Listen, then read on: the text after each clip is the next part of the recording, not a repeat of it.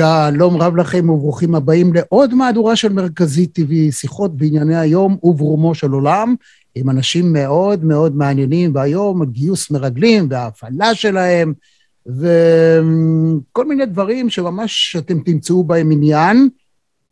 הכל לפי העניין שהמרואיין יסכים לספר, הוא יכול לספר והוא רוצה לספר.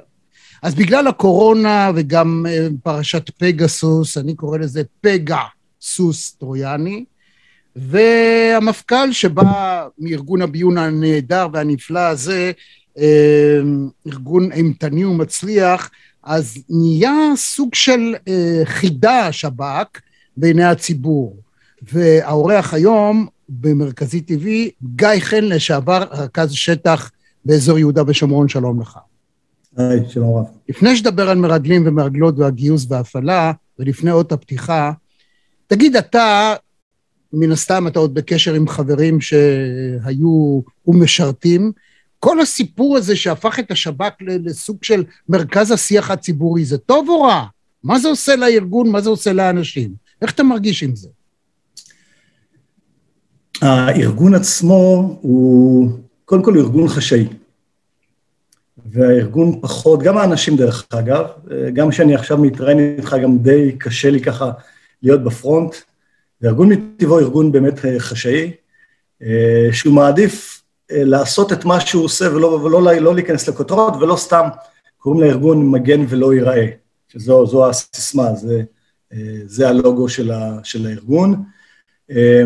האנשים בארגון, מההיכרות שלי עם המון המון אנשים, אוהבים לעשות את הדברים בצנעה ובשקט, ולעשות את המשימות שלהם ולא לפרסם אותם. אז ככה שהפרסומים לא כל כך נוחים לשירות, אבל מאחר ואנחנו כבר חיים ב-2022, ואנחנו מבינים שהשירות, גם אנשים דרך אגב כבר מבינים שיש דברים שראוי וצריך לפרסם אותם, וגם ראוי שהציבור ידע ויכיר אותם מקרוב. ובכל זאת, אם אני טיפה אשאר בעניין של הפגסוס, העובדה שפתאום הפך להיות ויכוח ציבורי, האם השיטות שמופעלות על ידי השב"כ, אם הן עוברות לתחום האזרחי, הרי זה התחיל מהעניין שרצו למצוא אנשים שהם חולי קורונה, מדביקים, נדבקים וכדומה, לאתר אנשים חולים שמסתובבים, זה עבר מהשימוש הביטחוני בלבד בענייני טרור, פח"ע ועניינים ביטחוניים, לתחום של הפעלה, סתם בשביל למצוא בן אדם שיש לו נגיף. איך זה, מה זה עושה לארגון? מה זה עושה בבפנים? כמו שאמרת, הארגון, אחת המשימות העיקריות שלו זה באמת לסכל פיגועי טרור. לעצור מחבלים, לעיתים מספר שעות לפני שהם מבצעים פיגועים מתפוצצים במרכזי ערים ופוגעים באנשים, וזו למעשה המשימה שלו.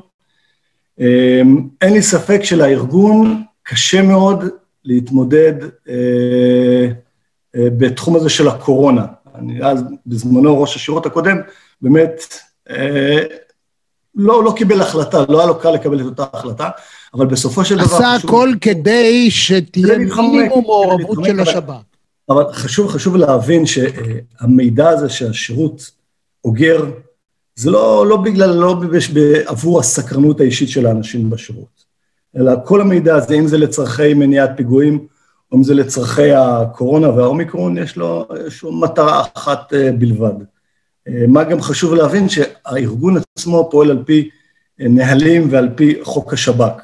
זאת אומרת, שום דבר לא מבוצע על בסיס של גחמה של איזשהו חוקר או רכז או דסקאי, אלא הכל על פי נהלים מאוד מאוד ברורים, ובמקרים ש, שהנהלים האלה לא כל כך ברורים, אז כמובן שזה עולה עד לראש השירות וצפונה, ואז מקבלים החלטה, אבל חשוב באמת לומר שכל מידע שנאסף, אולי זה יישמע טיפה, אולי אני אשמע טיפה סותר את עצמי, אבל כל מידע באמת שנאסף זה לטובת הציבור ולא כדי לפגוע, או חלילה, חלילה, לא כדי לפגוע בפרטיות של האנשים. אין שום צל של ספק. ו...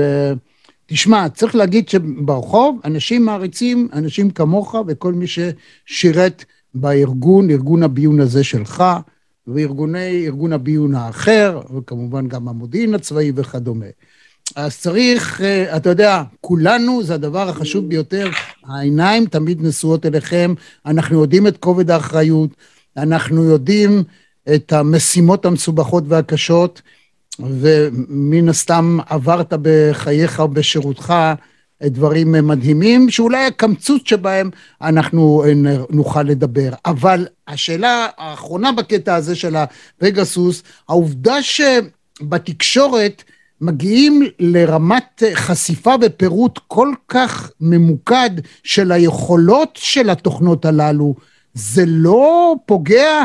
זאת אומרת, אנשים שאפשר היה לאסוף, הם בעצם אומרים, רגע, הם קוראים בעיתון מה צריך לעשות כדי שאף אחד לא יוכל להגיע אליהם, לחדור אליהם. ההתנהגות הזאת הופכת להיות הרבה יותר זהירה, עד כמה זה מסוכן או לא טוב לנו? אמ, זה נכון מאוד, אבל למרות שאנשים מודעים ל- ל- ליכולות של השירות, גם בהיבט היומינטי והטכנולוגי, עדיין אני, אה, השירות באמת מצליח אה, ויש לו הצלחות מדהימות. אה, ואני מדבר על הסיכול טרור, לא על הנושא הזה של הקורונה. לאחרונה גם התבטא ראש השירות הקודם על שהשירות הצליח למנוע 400 פיגועים. זאת אומרת, אם זה 400 פיגועים, אז זה 400 פלוס אנשים שתכננו והם מודעים לזה שהשירות עוקב אחריהם, והשירות מנסה לאתר אותם ולעלות על אותם מבצעים ועל אותם תכנונים, אבל בסופו של דבר השירות כן הצליח באמצעות האמצעים המגוונים מאוד שלו, להגיע לאותם אנשים, ואני מוכרח לומר שהאיכות של השירות נמדדת בעיקר בזכות האנשים שלו, אני לא מעיד על עצמי חלילה, אבל... אני מעיד עליך, אני מעיד לא, עליך. לא, אני לא מעיד על עצמי, אבל אני חושב שבאמת אמ, החוזקה העיקרית של שירות הביטחון הכללי, מעבר. ליכולות הטכנולוגיות המדהימות שיש לו, זה באמת באיכות האנשים שלו, שזה באמת אנשים ש, אה, שמסורים לעבודה שלהם, אנשים ש, שלא באים לעבודה, אלא באים באמת לעבוד, והם אנשים יצירתיים ויוזמים ומאוד מאוד חרוצים, וברגע שהם מקבלים משימה כלשהי, כל אחד בגזרה שלו, כל אחד בתחום שלו, אז הם יהפכו עולמות, כמובן על פי החוקים ועל פי חוק שב"כ ועל פי כל הנהלים, כדי לעמוד במשימה שלהם. ואם המשימה היא לסכל פיגוע תופת בתל אביב, אז אנשים ימים, לילות, יישארו ערים עד שהם יצליחו לשים את היד על אותו מחבל אה, או על אותו מפגע. אני יכול לתת לך סיפור, ואני מדבר עליו גם בהרצאה שלי, אז אני במהלך החתונה שלי, מספר ימים קודם לכן היינו במרדף אחר מחבל מתאבד. אה, ואותו מחבל מתאבד החליט שהוא רוצה לבצע את הפיגוע דווקא בערב החתונה שלי. אבל החתונה כבר תוכננה מראש, ו... אה, ואני נמצא כבר בחתונה, זה ממש בתחילת האינתיפאדה, ורוב החברים שלי, העמיתים שלי לעבודה, לא הגיעו לחתונה, כי הם היו עסוקים במבצעים ובסיכול טרור. וככה, כשאני אה, בדרכי על השביל ככה לכיוון החתונה, ואז אחד החברים, אחד העמיתים שכן הגיע לחתונה, ככה נותן לי מכה על הכתף ואומר לי, יש לך שיחת טלפון מאוד מאוד חשובה. עכשיו, אני בהתחלה חשבתי שהוא מתלוצץ, כי אני עוד רגע נכנס לחופה, וחשבתי, זה סוג של בדיחה כזאת, ואז אני ממשיך הלאה, והוא תופס אותי ככה ביד ומושיט לי את היד ואומר לי, יש לך שיחת טלפון מאוד מאוד חשובה, ואז הבנתי שהוא באמת רציני, ואז עצרנו הכל, זזתי הצידה, הרב כבר נמצא מתחת לחופה, ההורים שלי מתחת לחופה, ואשתי השארתי אותה וממתינה, ודקות ארוכות, בזמן שכולם מחכים לחופה והרב קורא לי ככה ברמקול חסר סבלנות, אני מנהל שיחת טלפון ומנסה לעזור לה או לכוון את הכוחות בשטח לאתר את אותו מחבל, אה, ואחרי דקות ארוכות, אני שמח שהם הצליחו לאתר אותו, והמשכתי, אה, ניגשתי והמשכתי ועשיתי את המשימה החשובה לא פחות באותו ערב. אז אתה שמח שהשלמת את ה... בעצם השלמת משימה כפולה. אתה שמח כן. או שאתה אומר, כן, רגע... באותו רגע, באותו רגע אשתי הייתה פחות מרוצה מהסיטואציה. אני בטוח. אבל היא קיבלה רמז מה שצפוי בעתיד בחייה. לגמרי, לגמרי, ו- ומי שטועה, אז אנחנו עדיין נשואים. למרות שהאירוע הזה חזר על עצמו כמה וכמה פעמים, אמ, לא אחת הייתי צריך לעזוב פתאום באמצע חגים, מסיבות, אירועים, נופש מבצעי ולחזור חזרה. אבל זה לא רק אני, אבל זה מעיד, לא מעיד עליי, אלא זה מעיד באמת על, ה, על הרצינות ועל הנחישות ועל המוסר אה, עבודה של האנשים בשירות. אז היתרון שלנו, או השבחים באמת מקיר לקיר מכל, אתה יודע, מאנטארקטיקה ועד הקוטב הצפוני, אה, לשב"כ, למוסד, אה, למודיעין הישראלי, זה בזכות היתרון האנושי? זאת אומרת, זה השכל? הטכנולוגיה קיימת כמעט אצל כולם. נכון מאוד, נכון מאוד. קודם כל, אני חושב שאנשים בשירות לא מחפשים שבחים. אה, לא על זה הם רצים ולא על זה, לא זה שמעניין, כמובן שאתה יודע, תמיד נחמד שמפרגנים לך, אבל אה, אף אחד לא רץ עם זה לתקשורת. אה, והרבה עמיתים שלי סיכלו עשרות פיגועים, ואף אחד לא רץ וסיפר על זה, ולא עלה בחדשות בערב. אבל אני, כן, אני, כמו ששאלת, אני חושב שזה המון בזכות גם ה-DNA של השירות, אמ, המוסר עבודה של האנשים, האיכות של האנשים.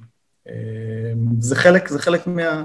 זה חלק מהעניין, ובמקום שיש אנשים טובים, אז כנראה שהעבודה היא טובה יותר ומצליחים יותר. איזה יופי. אז אני חושב שזה, שזה, שזה בדיוק זה. אוקיי, עכשיו יש לך, בוא נדבר על ההרצאה שלך. תן לי את okay. uh, חלק הפתיחה, ואחר כך ניקח ככה אנקדוטות, סיפורים, ונגרום למצב שכולם ירצו לבוא לשמוע את ההרצאה שלך. קודם כל חשוב לציין שההרצאה, שתי ההרצאות שלי למעשה, הן מאושרות גם על ידי השב"כ וגם על ידי, הש... אה, על ידי הצנזורה עצמה. אה, מעבר לזה, אני גם כתבתי ספר שאני רואה אותו, אני צריך לעבור איזושהי עריכה ספרותית. כן, ספר אה, שמתאר אה, את, את ההשתלשלות ואת החיים שלי במהלך 20 שנה כרכז שטח בשירות ביטחון הכללי. לגבי ההרצאות, יש לי שתיים. אחת מהן, אה, מאחר ועכשיו זה כבר יום האישה, אז קוראים לה הרצאה אחת מהן נשים מרגלות. סיפורן הבלתי ייאמן של נשים פלסטיניות המסכנות את חייהם ומרגלות עבור השב"כ הישראלי. זה שני סיפורים אמיתיים כמובן.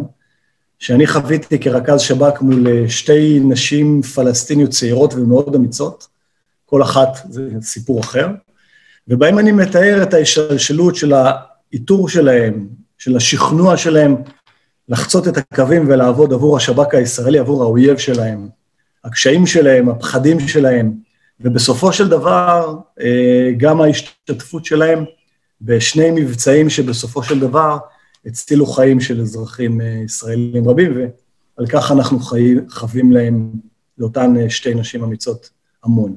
מה אתה יכול לספר על, מה אתה יכול לספר על המניע שלהם לעשות את זה?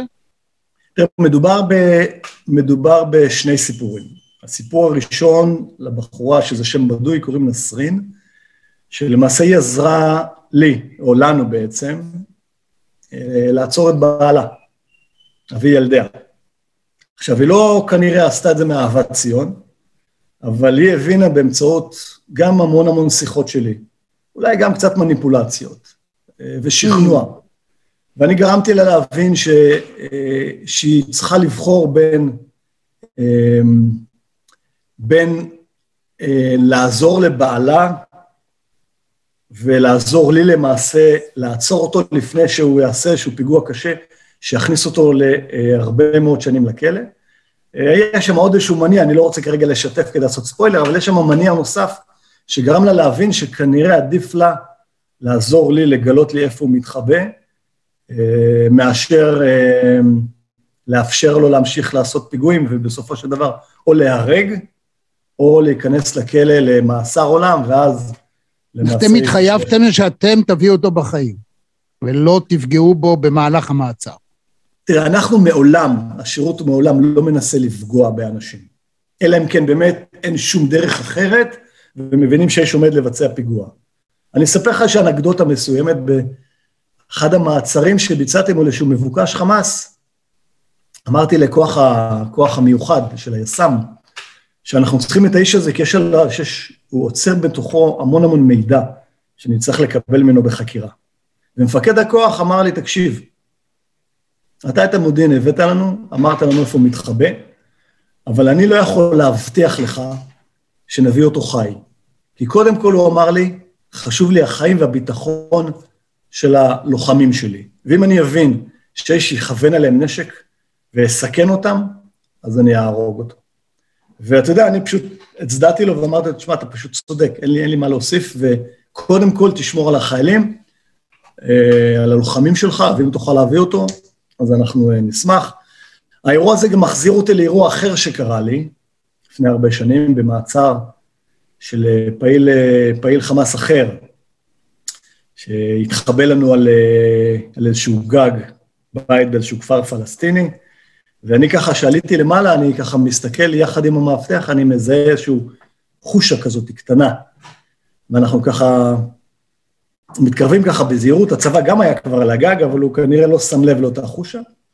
ואני ככה מתקרב ככה לאט לאט בזהירות עם המאבטח, אנחנו ככה דרוכים, ומתקרב לאיזשהו דלת מעץ, הייתה איזשהו דלת מעץ עם איזשהו ידיד ברזל ככה חלודה, ואני אומר לו, תתכונן. לא חשבתי שיש שם מישהו, אבל אמרנו, בוא נבדוק אולי. ואיך שאני ככה פותח את הדלת, ככה, הדלת חורקת ככה, אה, צירים ככה חלודים ישנים, וטווח של אפס מאיתנו, ממש עומד מולנו המחבל, ומכוון אלינו את הנשק.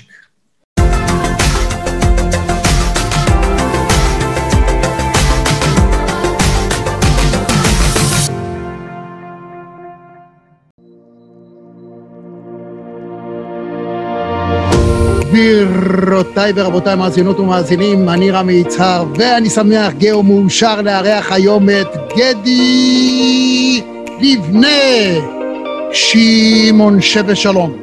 ניב גלבוע, דני יתום, שלום. שלום וברכה, זה כאילו שתקעתי גול. ג'יארון לונדון, שלום לך. שלום וברכה. Simi Riga. How are you, sir?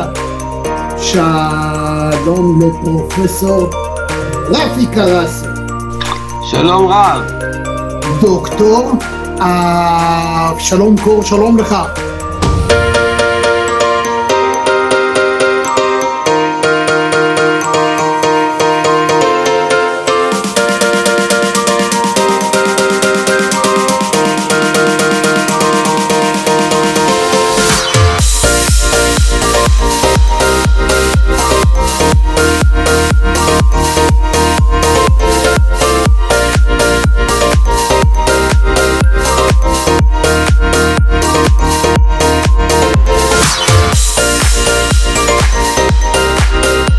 אהלן רמי, אהלן רמי, תקשיב, אני אחוז התרגשות, אני שומע אותך שנים רבות וארוכות בפינות הספורט בבוקר, בגלי צה"ל. אולגה רז, שלום לך. שלום לנחמן שי. עמירם לוין, שלום. שלום, שלום. דוקטור צחי בן ציון. רון לבנטל הגדול, שלום. אבי בנימין, שלום לך. שלמה צורן! יעקב הלפרין, שלום לך. שלום, צהריים טובים. היי זאביק. אבי בניהו, שלום. שלום רמי, מה שלומך? טוב ליונה יהב. חיים רמון, שלום. שלום, זה מימי הספורט. זה מי מהספורט, אני רוצה להגיד לך גם, אלון פינקה, יאיה פינק, שלום. אלדד יניב, שלום רב לך. איוב קרא, שלום לך. שלום רב. ערב טוב לך, ג'ודי, אנחנו בשידור חי, באוויר. ערב טוב, רמי, פעם ראשונה בחיים שלי בזום.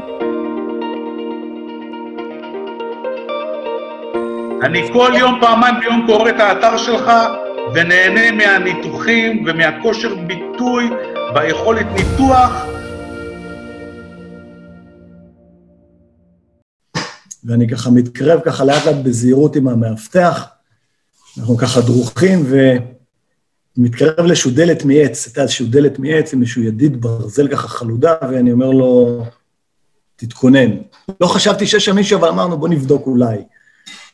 ואיך שאני ככה פותח את הדלת, ככה, הדלת חורקת ככה, אה, צירים ככה חלודים ישנים, וטווח של אפס מאיתנו, ממש עומד מולנו המחבל, ומכוון אלינו את הנשק.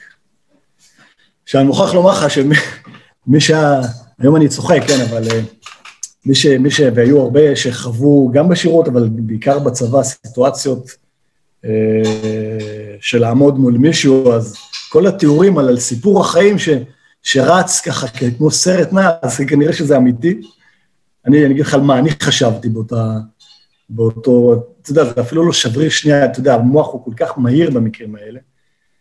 אמ, אז אני, זה, אתה יודע, זה קשה לי אפילו לדבר על זה, אבל... אמ, אני אז היו לי, יש לי ארבעה ילדים היום, ואז כשהאירוע היה, היו לי רק שניים, שתי בנות גדולות, שתי בנות, הן היו קטנטנות. ואני זוכר ככה שאני עומד מולו ואני מסתכל עליו, הוא מסתכל עליי, אז... אה, שוב, קשה לי לזה, אבל התמונה ככה שרצה, שרצה לי ככה מול העיניים, זה הייתה... אמ, כאילו ראיתי אותם, כאילו ראיתי אותם... אמ, אגיד את זה בזהירות, כן, אבל אה, ראיתי אותם ככה עובדות בהלוויה שלי. אמ, אבל אה, אני אמשיך את הסיטואציה, את הסיפור. גיא, אתה איש מדהים, אני רוצה להגיד. לא, לא. אתה, אני, אתה, uh, אתה מנסה בכל הכוח לא להיות סנטימנטלי, אבל בסוף אתה בן אדם כמו כולם. Uh, כן, כולנו... זה בסדר, כן. זה בסדר שאתה מנגב דמעה, אגב, זה עוזר להשתחרר, אחרת זה הכל נטמע בפנים, כן. נכלא בפנים, זה אני אומר בתור trainer NLP, וכשזה כן. כלוא בפנים זה פחות טוב. זה שכל פעם אתה משחרר טיפה-טיפה זה נהדר. דע לך, לטובתך, אישית, זה בסדר גמור. לא, אני בסדר, אני, אני, אני בסדר גמור. האיש מדהים, אה, כן. תודה, תודה. בכל מקרה, אני, אמשיך את הסיפור, אז ככה, שנינו, אה, הוא ממש עומד מטווח אפס ומכוון, אבל ואז המאבטח שהיה לידי דורך את הנשק ורצה לירות בו, כי, אתה יודע, זו המשימה שלו להגן עלינו. ואני בשבריר של שנייה, אני ככה מושיט את היד ימינה ומזיז לו את היד, והוא ככה מופתע, ואני אומר לו, אל תירא, אל תירא. עכשיו, לנו זה נשמע מטומטם, איזה מין החלטה מטומטמת אתה מקבל בשבריר של שנייה, אבל אני מוכרח לומר לך שבאותה אה, שנייה שאני הסתכלתי על האיש, על פי ה... גם התנוחת גוף שלו וגם המבט שלו, הבנתי שהוא לא מתכוון לירות. זה שהוא מחזיק את הנשק, הבנתי שהוא לא מתכוון לירות בנו, ואז זזתי לו את הנשק, ו... ולשמחתי לא פגענו בו, ונפלנו עליו, הוצאנו לו את הנשק ואזקנו אותו, וכשהחיילים היו על הגג, שמעו את הרעש ואת המהומה, אז הם רצו. אז הם רצו מהר, אחד החיילים בא, דחף אותי הצידה, כמעט הפיל אותי, רץ והתנפל על המחבל ואזק אותו. תגיד, ואז אתה גם היית בשלב של התחקור שלו? יפה, בדיוק. אז זהו, איך, מה, מה זה עשה למערכת היחסים ביניכם במהלך התחקור? כן, אני, אה, כשלקחנו אותו ככה, הורדנו אותו משם, אה, אז אה, ישבתי איתו ודיברתי איתו, ו... ואמרתי לו, אתה יודע, אתה יודע שאתה בטח שמת לב שהצלתי את החיים שלך, אני, אני שאלתי אותו. אז הוא ככה, הוא לא היה בן אדם נחמד, הוא לא אהב אותנו בכלל. ואני חשבתי, אתה יודע, אולי הוא טיפה סימפטי, אולי יגיד לי תודה רבה, והוא אומר לי, כן, כן, אני שמתי לב ככה בקור רוח, ככה באיזה... ואז הוא אומר לי משפט, אבל שלא תחשוב, הוא אומר לי, שלא תחשוב שזה מה שיגרום לי להפסיק להילחם בכם. ו...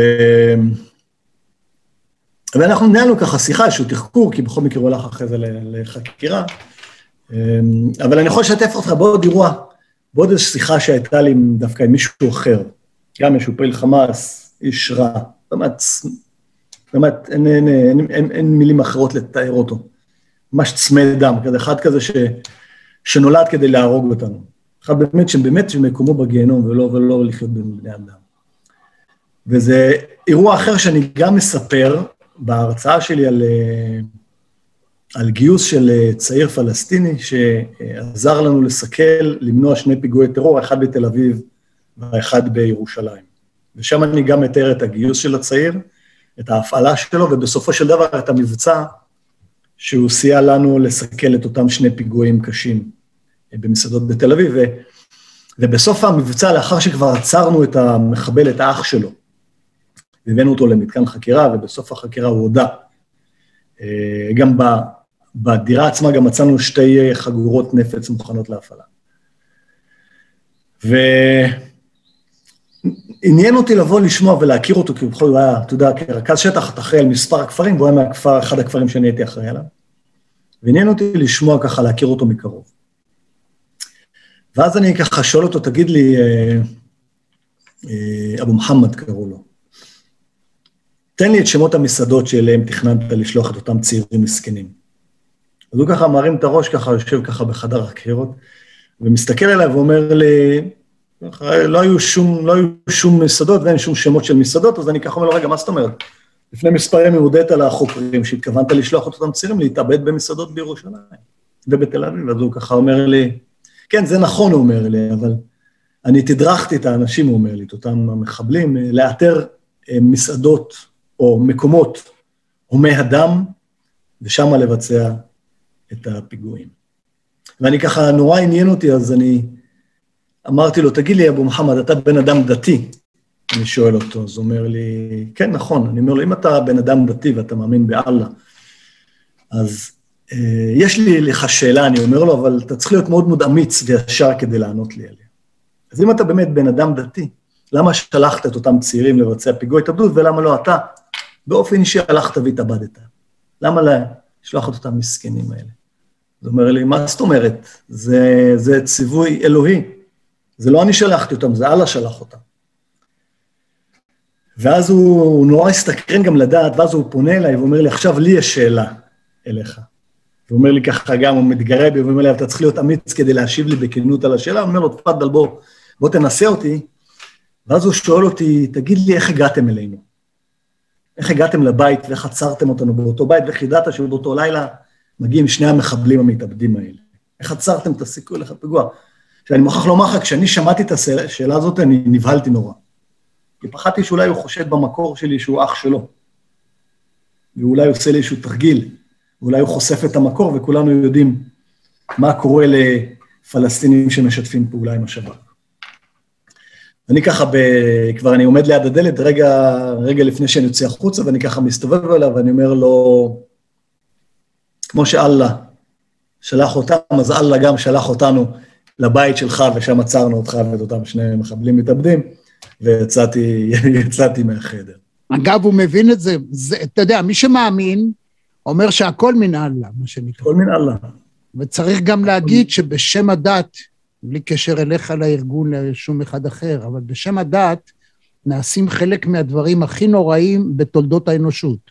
לגמרי. אז גם, גם את זה כדאי לקחת בחשבון. האמונה, האמונה מעוורת אנשים. אני התחלתי לספר לך, חלק מה שסיפרתי עכשיו, זה סיפור אחד ממגוון סיפורים שאני מספר בהרצאה השנייה, שההרצאה השנייה קוראים לה מאויב למשתף פעולה, אומנות השכנוע והנעת אנשים כנגד כל הסיפורים. מדהים, וואו, וואו. עכשיו, מאחר ואני גם רוצה לתת איזשהו ערך מסוים לשומעים ולקהל, אז מעבר לאירועים ולסיפורים, אני גם משלב טיפים מארגז הכלים שלי כרכז שב"כ, כמי ש-20 שנה היה אמון על שכנוע של אנשים, לגרום להם לחצות את הקווים, לעבוד עבורי, לייצר איתם מחויבות ואמון והנאה, ולעיתים לשלוח אותם לבצע משימות שמראש יודעים שזו משימות שמסכנות את חייהם. ופה אני ככה מפרט איך, או באיזה אמצעים ובאיזה מיומנות תקשורת אנחנו השתמשנו כדי לשכנע את אותם אנשים, ואני מקווה שאני נותן איזשהו ערך גם לקהל, ויכולים גם להיעזר באותן דוגמאות, אותן שיטות, אותן מיומנויות, גם בעולם העסקי ובעולם הפרטי, ויש איזשהו טיפ נוסף שאני לא אגלה עכשיו, שלדעתי הוא, אה, הוא הכי הכי חשוב, ודרך אגב הוא גם מאוד מאוד פשוט, משהו שקשור להתנהגות האנושית, שבאמצעותה ובזכותה אפשר להגיע להישגים אדירים מול אנשים. אני בכלל מאמין שמהיכרות שלי עם נפט, אני לא פסיכולוג ולא פסיכיאטר, למרות שעברנו המון קורסים במהלך ההכשרה, אבל מהניסיון שלי מאות או אולי אלפי מפגשים עם אנשים מסוגים שונים. אחת המסקנות שלי שאנחנו כאנשים, אנחנו מכונה מאוד מאוד מורכבת. כולנו מגיעים עם השריטות שלנו, וחלקנו עם פוסט-טראומה, והחינוך, כל אחד חינוך אחר, ואיך שחינוך בבית, וחברים, וחוזקות שלנו וחולשות שלנו, זאת אומרת, אנחנו מלאים, מלאים, מלאים כרימון, אבל אני חושב שכדי להפעיל אותנו, במילה החיובית אני מתכוון, בקונוטציה החיובית, כדי לגרום לנו להיות אנשים טובים יותר, עובדים מחויבים יותר, כדי להצליח לשכנע אותנו, פה המערכת, המערכת הפעלה היא מאוד מאוד קלה. רק צריך לדעת איך להשתמש. מאוד מאוד פשוטה, מאוד מאוד קלה.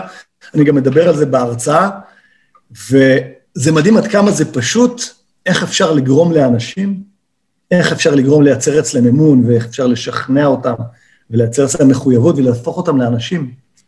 עובדים יותר טובים, אנשים יותר טובים, בני זוג יותר טובים. שם אני... כטריינר, כטריינר NLP, כטריינר NLP, אני, יש לי הרצאה בנושא הזה של תורת השבוע.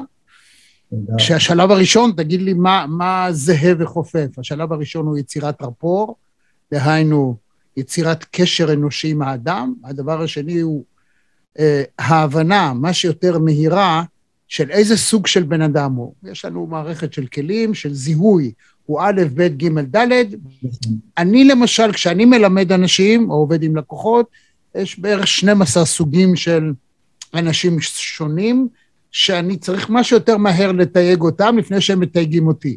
זאת אומרת, נכון. המתוחכמים שבהם זה משחק מסוים, וכמה שיותר מהר אתה עושה את הפעולה לפני שהוא מבחין בה, אתה יכול לדעת לבחור מתוך ארגז הכלים שלך איזה כלי אתה לוקח על מנת לשכנע. אני יכול להגיד בעיקרון, אין אדם שאי אפשר לשכנע אותו כמעט בכל דבר, אוקיי?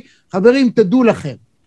ומן ה... אני בטוח שאתה, גיא חן, מדבר על זה בהרצאה ויודע איך עושים את זה, אז כל מי שהוא, נגיד, ברמת trainer אה, ועוסק בעניינים מהסוג הזה, גם הייתי קצין בכיר במצ"ח, אז ישבתי מול, ברמה כזאת של לשכנע אנשים שהם, שכדאי להם. נכון, נכון לגמרי. כן, אז אה, מה אתה רוצה לספר על זה, על שלב הרפור, על שלב האיתור, על שלב האבחון, ואז תחילת העבודה? תראה, קודם כל מאוד מדויק מה שאמרת, שצריך קודם כל לאבחן את הבן אדם. ולעיתים, יש, יש כמה וכמה נושאים, אני אגע בכמה מהם. אם אנחנו מדברים על לאבחן את הבן אדם, אז קודם כל מידע, אה, מדברים על מידע, או על מידע על אנשים, זאת אומרת, מידע זה, זה לא רק כוח, אלא זה בעיקר אה, נותן לך יתרון בשיחה שלך עם האיש. זאת אומרת, אם אתה יודע מה ירגש אותו, מה ישמח אותו, מה הוא אוהב, או לצד שני, מה, מה אה, ירתיע אותו, מה יפחיד אותו, אז על פי זה אתה תמיד תוכל לנווט את השיחה. אחד הדברים שאני גם מדבר עליהם, אני פה אתן אולי כמה טיפים, זה השינוי הרגשי. כי אם אתה מתחיל שיחה עם בן אדם, או אפילו קשר לאורך זמן, והוא נמצא באיזשהו, שינו, באיזשהו אה, מצב רגשי מסוים, אז יהיה לך מאוד מאוד קשה להגיע למה שאתה צריך. זאת אומרת, לנסות להביא אותו ממצב של אה, חוסר אמון בך, אולי להתחלת אמון, וגם אמון, שזה גם נושא שאני מדבר עליו אה, ארוכות, שזה הבסיס למעשה לקשר. ממצב של ייאוש, אולי להביא אותו למצב של תקווה, ממצב של עצב מסוים, להביא אותו למצב של, של שמחה. אמ, טיפ נוסף שאני מדבר עליו, אני גם אציג אותו בהרצאה, זה טיפ פשוט, אני, לי זה כבר בא באופן טבעי, אבל, אה, וזה מכנה משותף. זאת אומרת, אם אתה זוכר, בתחילת הרעיון דיברנו על שירים ושערים, אז זה מהר מאוד חיבר בינינו, ושאל, ודיברנו קצת על כדורגל, אז זה מהר מאוד חיבר בינינו. וברגע שאם בן אדם, אפילו בן אדם זר, אפילו אויב, והשתמשתי בזה המון בעבודה, אתה מאתר איזשהו משהו שמשותף ביניכם, משהו ששניכם אוהבים, אז הוא מיד או באופן אוטומטי הוא מכניס אותך כבר לשבט שלו. כי הרי לכולנו הרבה יותר קל להתחבר לאנשים שדומים לנו, שהם אוהבים את אותם דברים שאנחנו אוהבים. ובהרצאה שלי אני יכול לספר לך ככה בקצרה איך אני השתמשתי, ואותו בחור צעיר, אותו אח, בשיחת uh, גיוס שלו, שבה הייתי צריך לנסות באמת לשכנע אותו להיות מקור שלי, אז ידעתי שהוא אוהד של ריאל מדריד בכדורגל. אז בזמנו זה היה זנדין זעידן, שחקן הכדורגל המדהים הזה. וידעתי שהוא נורא נורא אוהב אותו ואפילו מעריץ אותו, ויש תמונות אצלו בבית, זה אמר לי מקור שהוא חבר שלו. ואני, חלק מהדברים נערכתי גם לזה. ו... באת עם טרנינג? לא, לא, לא באתי עם טרנינג, אבל מה שעשיתי... לפעמים זה מצליח. כן, אבל מה שכן עשיתי, אמ, במהלך השיחה התחלתי לדבר, שאלתי אותו אם הוא ראה את המשחק כדורגל, בזמנו זה המשחק בין ברצלונה לריאל מדריד, וריאל מדריד אה, ניצחו, 2-0. ואני אמרתי לו, תשמע, התחלנו לדבר על השיחה, ואז הוא אומר לי, אה, מה, גם אתה אוהד ריאל מדריד? אתה יודע, התלהבנו מהמשחק. אמרתי, בוודאי שאני אוהד ריאל מדריד, אבל שיקרתי, כי אני בעצם אוהד ברצלונה במקור. אז אתה מבין, אז כבר דיברנו על זה, על נדין זידן, והייתה שיחה מאוד מאוד אה, חיובית. ויותר מזה, אה, אמרתי לו, חכה רגע, ואז יצאתי מהחדר והבאתי לו תמונה שלי, מצולם עם זינדין זידן. הוא לוקח ככה, מחזיק את התמונה, מתלהב, לך אני יכול לגלות, אני גם מגלה לקהל שזה היה פוטושופ בעצם, שהכנתי מספר דקות, לא מספר ימים לפני, ה, לפני אותה שיחה. אז אם אנחנו מדברים על זה, על נושא של, אה, אה, הנושא הזה של... הוסיף את האלמנט ה-NLPיסטי, אתה מייצר אוקיי. מצב שאדם לא יכול להתנגד. כי אם זה, אם זה בפנים, זה חלק מובנה ממנו, והאהדה של קבוצת כדורגל זה א' ב', זאת אומרת, זה יכול אגב להיות, יש אנשים שהם נגיד חובבים של להקת אומן מסוים, להקת רוק מסוימת, ספר מסוים, אופנה מסוימת. בול, בדיוק. זה חלק מובנה שאישיותו של אדם, הוא לא יכול לערער. הוא לא יכול לבוא ולהגיד, רגע, מהרגע, מהרגע הזה אני שונא את ריאל מדריד, רק מפני שהמוחברט הזה אוהב אותו והצטלם איתו. הוא לא יכול, הוא לא יכול, יכול לקרות רק פעולה הפוכה. אז אה, הוא גדול. כמו שאמרת, זה לא רק אהדה, זה גם, אתה יודע, אתה יודע מה, קבוצות פייסבוק של אה, אבא פגום, נכון? יש דוגמה כזאת? כן. האנשים זרים אחד לשני, יכול להיות שאפילו אחד אולי אוהד מכבי תל אביב, אחד אוהד הפועל תל אביב, אבל הם חברים בנפש, או חברים מהצבא, או ישראלים שנפגשים אחד עם השני על איזה הר באפריקה, שפה בארץ הם לא אומרים שלום אחד לשני, פתאום שם הם הופכים להיות החברים הכי טובים. אז המכנה המשותף הזה, הוא עושה עבודה מדהימה. דרך אגב, בעולם המכירות, אנשי מכירות עובדים על זה הרבה. ברגע שהם מזהים מישהו, מתחילים לקשקש איתו ומנסים לאתר איזשהו משהו... אה, כן, שחבר. בתחום המכירות אתה צריך, אה, אה, דבר ראשון, לאתר מי, שני טיפוסים עיקריים, שואף אל ובורח מי, מי הוא מהו, מהו הדבר שלשמו, כשהוא בא לרכוש את המוצר, מה, איזה צורך נפשי זה מספק. נכון. וכשאתה מבין איזה צורך זה מספק, זה, התחום הזה שלך הוא, הוא שונה לחלוטין, אבל הוא עדיין יש בו את האלמנט הזה. זאת אומרת, הרצון להגן על המשפחה, או בכל מחיר הרצון לפגוע במישהו. אז אני, אם אני יודע שהוא התקפי, אני יכול לגרום לו למצב שהוא ישנא דווקא אצלו, בצד שלו, הוא יחליף את השנאה כלפיי בשנאה אחרת, בטינה אחרת, ברצון לחסל מישהו אחר, אז אני לוקח את ה... ההתקפיות שלו, את הרוע שלו, את הרצחניות שלו, ומפנה אותה לכיוון שהוא נוח לשנינו, או לפחות לא פוגע בנו. תשמע, זה, זה מדהים, ואני באמת קורא לכל אדם לבוא לשמוע את ההרצאה הזאת. אנחנו אגב למטה כאן, יהיה לכם למטה קישור, ואיך אתם תדעו איפה יש אה, את ההופעות ואת ההרצאות של גיא חן, אתם יכולים גם להזמין אותו. נגיד כמה חבר'ה בבית, נכון? כן. חבר'ה שרוצים חוויה יוצאת דופן, אתם יכולים להזמין אותו, הוא יבוא אליכם, תכינו כיבוד יפה, הוא יספר לכם סיפור... יש מצגת, סרטונים מאוד מעניינים. איזה יופי. אה, כן, אני גם מרצה, גם מרצה לחוגי בית, ארגונים, חברות, עמותות, צבא, משטרה, אה, ומעבר להרצאה עצמה, לאחת מהן או שתיהן, אז אה, כמובן גם יש איזשהו שיח מאוד מאוד מעניין על, על הנושא הזה. בואו נדבר עכשיו טיפה אה, על המגזר הערבי אצלנו. אוקיי. אני לא יודע אם אני יכול להגיד את זה או לא, אמ, אתה על כל פנים תחשוב אם אתה רוצה להגיב על זה או לא, אבל יש הרבה מערביי ישראל שהם שותפים לפעילות הביטחונית. שותפים במאה אחוזים מתוך אמונה אמיתית, לא רק כסף או משהו כזה. מה זאת אומרת שותפים? תגדיר שותפים. שותפים לעשייה מוחברתית, בדרך כזאת, או אתה תגיד. אני לא רוצה okay. אוקיי. להגיד. לא, השאלה אם אתה מתכוון משהו שהוא רשמי, כמו משטרה, מכבי אש. לא, לא, לא, אני מדבר דווקא בארגון הזה שלך, של השב"כ. אוקיי. Okay. אני חושב ש... אני חושב.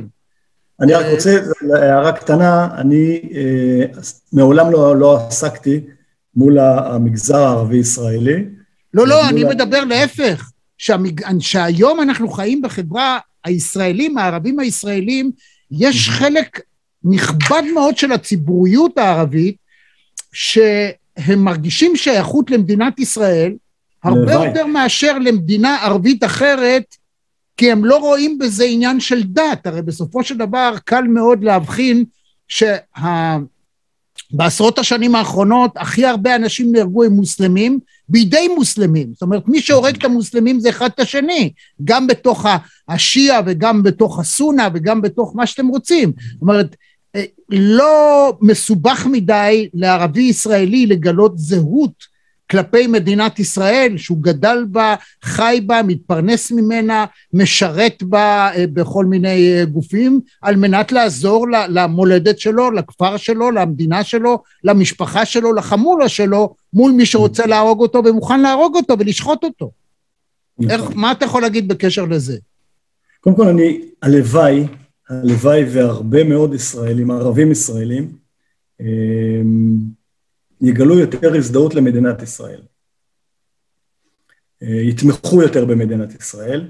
אני אספר לך שאנקדוטה קצרה, לפני כמה שנים ישבנו עם איזשהו אה, סייען, תושב אום אל-פחם, זה היה בדיוק בשנה שליברמן הצהיר שהוא רוצה להעביר את אום אל-פחם לרשות הפלסטינית, לקחנו את התעודות זהות ולהפוך אותם להיות פלסטינים, ואנחנו באותו יום ישבנו עם סייען מאום אל-פחם, והוא בא אלינו בהיסטריה, Mm. הוא אמר, אל תשאלו, אל תשאלו, הבנות שלי ממררות בבכי. הן בוכות, הן בהיסטריה, כי אמרו להן שהן עוברות להתגורר בפלסטין או ברשות הפלסטינית. ערביי ישראל מבינים, אני מניח שאולי לא כולם, שפה יותר טוב במדינת ישראל. ומה שהשגנו ב-70 פלוס דבר אדיר ומדהים. תסתכל מסביב, על המדינות הערביות שבאיזשהו מידה מפגרות אחרינו, ומקצת יותר מ-70 שנה. אז אני חושב שהמקום שלהם פה הוא מקום טוב, והוא מקום מקום מאוד מאוד בטוח. צר לי באמת, באמת, צר לי על, אני לא יודע, על אנשים או על, על ערבים, שבעיקר מהתנועות הקיצוניות, שמנסים לפגוע במדינת ישראל, במקום ש, שהם חיים בו, שמגן עליהם, ש, שמשלם להם ביטוח לאומי, הלוואי... אני הלוואי... חושב שזה בני אדם שלא משנה איפה הם היו גרים, היו מתנהגים כך כלפי השלטון שלהם, כלפי הסביבה שלהם, זה מבנה אישיות. אני חושב ששנינו מבינים שזה זה לא תלוי, אין שום דבר שאתה יכול לעשות כדי שהם יהיו אנשים אחרים. זה הם, ככה הם, צריך לשנות להם את התת-מודע, את ההבנה מאיפה זה בא, כאילו, אתה יודע, לבדוק הורים, ילדות, אה, תפיסת עולם וכדומה, אבל זה לא באמת אישי נגדנו היהודים או מדינת ישראל. מי שטיפוס כזה בכל מקום, הוא יהיה טיפוס כזה. יש, יש גם נושא של אה, השפעה. יש הרבה שקל מאוד להשפיע עליהם. אה, ולצערי הרב, הרבה מהמנהיגים הדתיים הקיצוניים יודעים לעשות את זה בצורה מדהימה, דיברנו על NLP, על שכנוע, אז הם אלופים. בדרשות שלהם, בשיעורים הדתיים שלהם, בשכנוע שלהם, אה, לקחת את אותם צעירים, לעיתים חסרי השכלה, לעיתים גדלו במשפחות אה, שלא זכו לאהבה ולתמיכה ולחיבוק, ומצליחים להשפיע עליהם. מצליחים להשפיע עליהם. למרבה הצער, ולא נעים להגיד, זה גם בצד השני. נכון. גם בכל צד שהוא, זה היתרון של יצירת כת.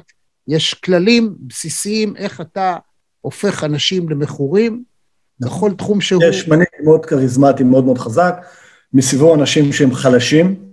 אתה מבודד אותם מסביבתם עד כמה שאפשר, אתה מייצר, אתה, זה תהליך של אינדוקרינציה, שבו אתה מחדיר, אתה מנ... הופך את כל האחרים לשטנים, רק את, ה... את החלק שאתה משייך אותו אליו, הם האנשים הטובים, וכל השאר שווה למות בשבילם, וכמו שסיפרת בצורה מדהימה. אה, אגב, אני רוצה להגיד לך, תשמע, גיא, אתה כל כך חששת בפתח הדברים, אתה, מס, אתה איש שיחה מדהים, ואתה נשמה טובה, ואין לך מה לחשוש, אתה יודע, תשכח מזה, היית, עכשיו אתה הלכת לפאזה אחרת, ספר את הסיפורים שלך. אגב, מי שרואה אותך, אה, הוא אומר, וואו, אני רוצה להיות כזה, ולכן כתהליך גיוס, ואנחנו תמיד צריכים אנשים שרוצים ללכת לארגון ולעזור ולשמור על ביטחון ישראל, וברגע החתונה יעדיפו, במקום ללכת לחופה, אה, לדאוג שהפעולה תתבצע כמו שצריך. אה, אז אתה עושה את זה בצורה אה, משכנעת מאוד, אין לך מה... אפרופו יש לי אנקדוטה, העברתי איזושהי הרצאה בזום לאיזושהי חברת הייטק, ותוך כדי ההרצאה, אחד, ה... אחד האנשים שאל אותו שאלות, הוא אמר, אני נורא רוצה להגיע לשב"כ. עכשיו, הוא עובד, אתה יודע, עובד מן המניין, והתחיל לשאול אותי שאלות, מה עושים ולמי פונים וזה, ואני, אתה יודע, בהתלהבותי התחלתי להסביר לו את התהליך ומה עושים. ושכחתי שהמנכ"ל והמנהל שלו נמצא גם בזום. אבל זה בסדר, זה, זה נגמר בחיוך. זה בסדר גמור. זה נגמר בחיוך. אם הוא רוצה, אז הוא יגיע, והוא ידע איך להגיע אליך ולשאול, ולהפך.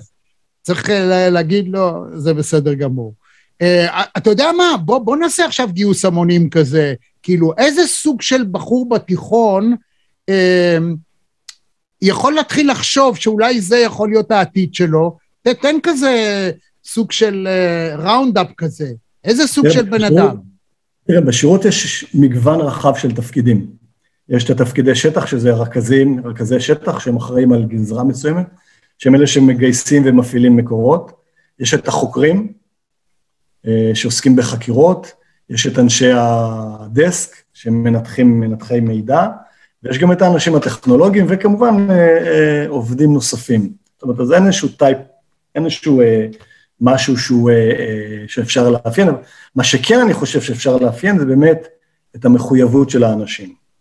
אם זה נהג בשירות, או אם זה רכז, או כל עובד אחר, או מפיק, או מאזין, זה באמת המחויבות שלהם, שהם רואים את המקום איך הזה. אתה מייצר מחויבות לאורך זמן של אנשים?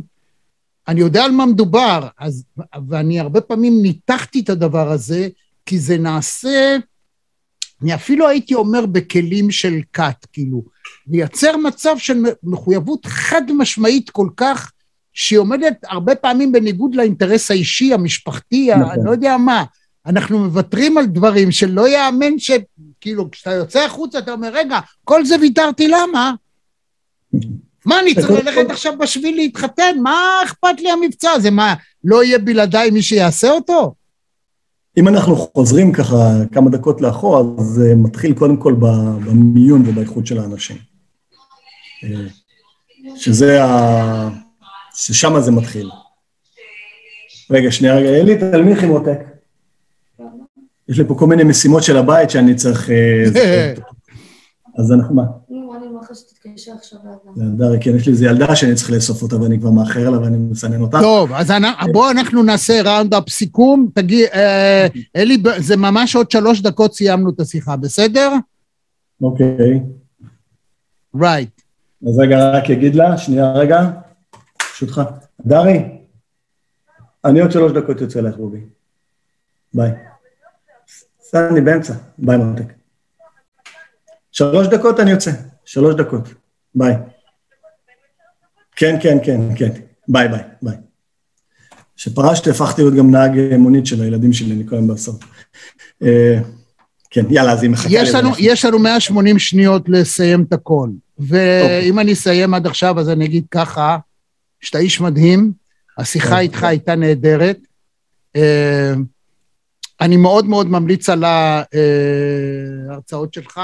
יהיה לינק למטה. א', אם מצא חן בעיניכם, תעשו לייק, וגם תדעו מה ההרצאה הבאה, כאן בעניין מרכזי ביוטיוב, בכל מרחבי הפודקאסט. ותלכו להרצאה, תזמינו. אותו, זו חוויה גדולה. ומה עוד? איך, איך אנחנו יכולים לסכם לך? איך הייתה לך, איך היה לך המפגש? כי אתה התחלת עם חששות נורא גדולים. איך היה לך קודם כל, אני? מוכרח להודות שאני גם מתרגש לשוחח איתך, כי אתה יודע, עבורי רמי יצהר, אה, כילד, זה שם שליווה אותי כל שבת בעצם, אה, והרבה אחרי זה. אז עכשיו תגיד לי איזה קבוצה? שיחקת? הפועל עכו. הפועל? וואו, וואו. מה, פעם זו הייתה אימפריה, הפועל עכו. וואו. אני, כן, אני, אני, תראה, אני, רוני דורה העלה אותי בגיל 16 לבוגרים. חבר טוב שלי. כן, רוני דור המקסים. הוא העלה אותי לבוגרים ושיחקתי עד הצבא, ובצבא, אתה יודע, אה, רציתי להתגייס ליחידה קרבית, התגייסתי ליחידה קרבית, ואני זוכר, באו להורים שלי למושב, וניסו לשכנע אותם, תגידו לגיא שיוותר, שזה... כי, תשמע, אני בגיל 16-17 כבר הייתי בבוגרים. ושיחקתי אז עם מומי זעפרן, אתה זוכר? בטח. חלפון, ומומי זעפרן המגן שמאלי, ויונה, הבלם קדמי, אה, ו... כשהייתי ילד עוד באצטדיון- היה... באצטדיון הישן שם בעכו, נכון? בטח, ליד הרכבת. איזה. יופי. שנה שלמה שיחקתי בנבחרת הנערים, יורם כהן היה מאמן, אם אני זוכר נכון. איזה יופי. יוני היה מנהל קבוצה שלנו. חזי שירזי היה אז החלוץ. זו הייתה, הייתה תקופה, עד היום אני מתגעגע לתקופה הזאת. זהו, אז אני. חן, כן, גיא חן, אנחנו נסגור כאן רכז שטח אה, ב- לשעבר בשב"כ באזור יהודה ושומרון, איש אגדי עם סיפורים יוצאים מן הכלל, ממליץ לבוא להרצאות, ואנחנו עוד נדבר, אתה יודע, אנחנו נעשה עוד, אה, יש חלק מן המרואיינים שמרתי את המספר שלך. שכיף לחזור אליהם. שמרתי את המספר שלך. נהדר. אז אוקיי. שנהיה בריאים, תודה רבה לך. תודה רבה. להתראות. תודה רבה. עד כאן מהדורה נוספת של מרכזי TV. אם היה לכם כיף, אם נהניתם, אנא לחצו לייק וגם על הפעמון כדי לקבל רמז על המפגש הבא שלנו. אני רמי יצהר, להתראות.